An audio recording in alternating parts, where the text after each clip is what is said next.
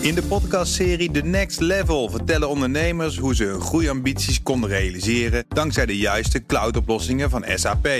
Wat waren de uitdagingen, de oplossingen en hoe ging de uiteindelijke implementatie? Benieuwd naar hun verhalen en hoe zij met behulp van SAP ook hun toekomstige ambities kunnen behalen? Luister de podcast The Next Level via de BNR-app of je favoriete podcast-app.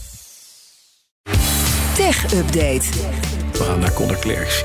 Sam Bankman-Fried, FTX, oprichter en binnenkort failliet. Hij kan binnenkort naar Amerika. Ja, justitie in de VS ja, heeft een appeltje te schillen met Bankman-Fried. De gevallen crypto-messias die aan het roer stond bij FTX en Alameda. Uh, en zo'n 10 miljard dollar aan uh, cryptomunten te goed heeft aan ongeveer een miljoen schuldeisers, leerden we uit de uh, faillissementsdocumenten. SBF, zoals hij online bekend staat, is al op de Bahama's ondervraagd. Daar staat zijn hoofdkantoor slash polycule seksvilla.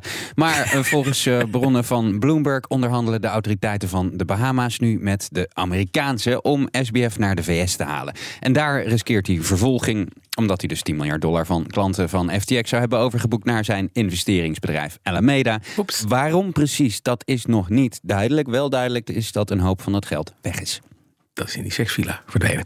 Nieuws over ontslagen in de techsector dan. Komt u maar. Ja, TSI Fund Management, is een activistische belegger, uh, wil dat Google-moeder Alphabet agressieve actie onderneemt om de kosten te drukken. Met name de personeelskosten bij Alphabet zijn veel te hoog, vinden ze bij dat hedgefonds.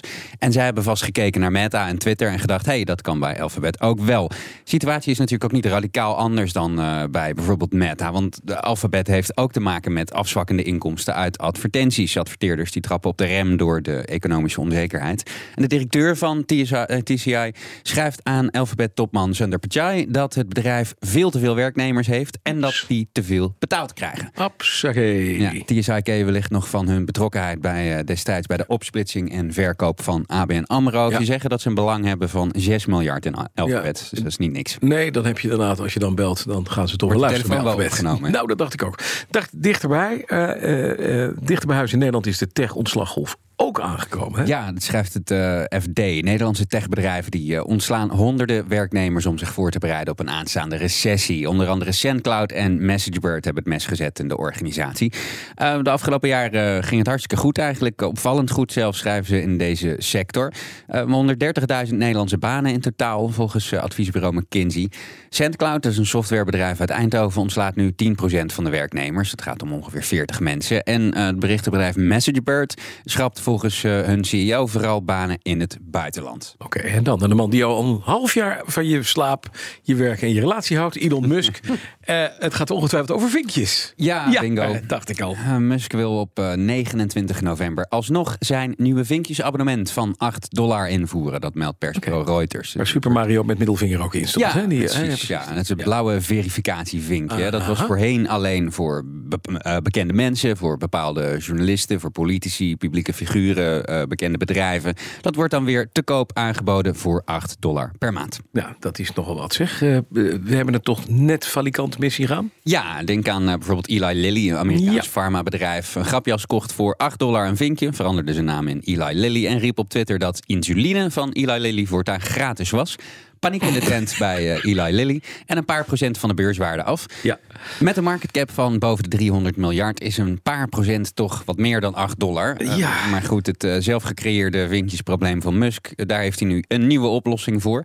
Naast het extra grijze vinkje wat hij al bedacht had, waar dus official bij staat, heeft hij nu bedacht dat als je een vinkje hebt, je je naam niet meer zomaar kunt veranderen. Maar dat Twitter daar eerst goedkeuring aan moet geven. Klinkt als een hoop werk.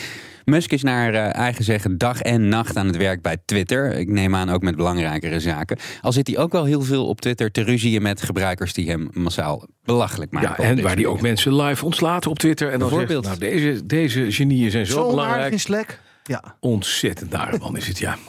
Dan uh, uh, nog heel even naar Tesla. Niet blij met de prior uh, prioriteiten die Musk nu stelt? Nee, de investeerders van Tesla zijn er zeker niet blij mee. Musk zei gisteren op Twitter dat hij werkt en slaapt bij Twitter tot alle problemen opgelost zijn. Ja, dat zou wel even kunnen duren. En volgens experts die Reuters heeft gebeld zijn de investeerders van Tesla daar nogal gepikeerd over. Daar is namelijk ook werk aan de winkel.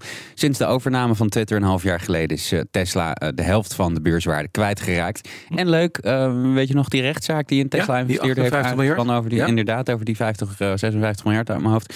Die, start, uh, of die is maandag gestart en vanmiddag Amerikaanse tijd mag Musk getuigen. Dus je weet wat ik uh, vannacht weer te doen heb. Ja hoor, weer geen relatie, weer geen slapen. Nou, en wederom weer naar een rechtbank in Delaware kijken. Dankjewel, Conor Clairs. De BNR Tech Update wordt mede mogelijk gemaakt door Lenklen. Lenklen. Betrokken expertise, gedreven resultaat. In de podcastserie The Next Level vertellen ondernemers hoe ze hun groeiambities konden realiseren dankzij de juiste cloudoplossingen van SAP. Wat waren de uitdagingen, de oplossingen en hoe ging de uiteindelijke implementatie? Benieuwd naar hun verhalen en hoe zij met behulp van SAP ook hun toekomstige ambities kunnen behalen? Luister de podcast The Next Level via de BNR-app of je favoriete podcast-app.